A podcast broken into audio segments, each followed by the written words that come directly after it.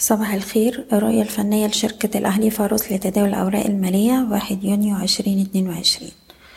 على مدار الشهر اللي فات كان في غياب تام للقوى الشرائية المؤشر تراجع من مستوى حداشر ألف مية سبعة وسبعين وسجل أقل مستوى ليه في حداشر شهر عند العشر تلاف سبعة وخمسين نقطة. قفلنا الإغلاق الشهري عند أقل مستويات في الشهر عشرة مية وخمسين يعني تراجعنا حوالي ألف نقطة على مدار الشهر. إحنا دلوقتي بنتداول بالقرب من مستوى دعم هام للعشر تلاف نقطة وده حاجز نفسي. وبالتالي استمرار التداول فوق المنطقة دي ممكن يخلينا نشوف محاولات ارتداد. في الحالة دي أقرب مستوى مقاومة هيكون عند العشرة تلتمية ولو كسرناه نقدر نجرب على العشر تلاف وستمية. وطبعا نظرا لضعف الأداء الحالي وغياب القوى الشرائية هنشوف أي ارتداد على إنه فرص لتخفيض المراكز حتى عودة القوى الشرائية بشكل منتظم أو نشوف سلوك مغاير للقوى الشرائية عن الفترة اللي فاتت. طيب في حالة كسر مستوى العشر تلاف لأسفل هيكون مستوى الدعم التالي عند التسعة تلاف وتمنمية.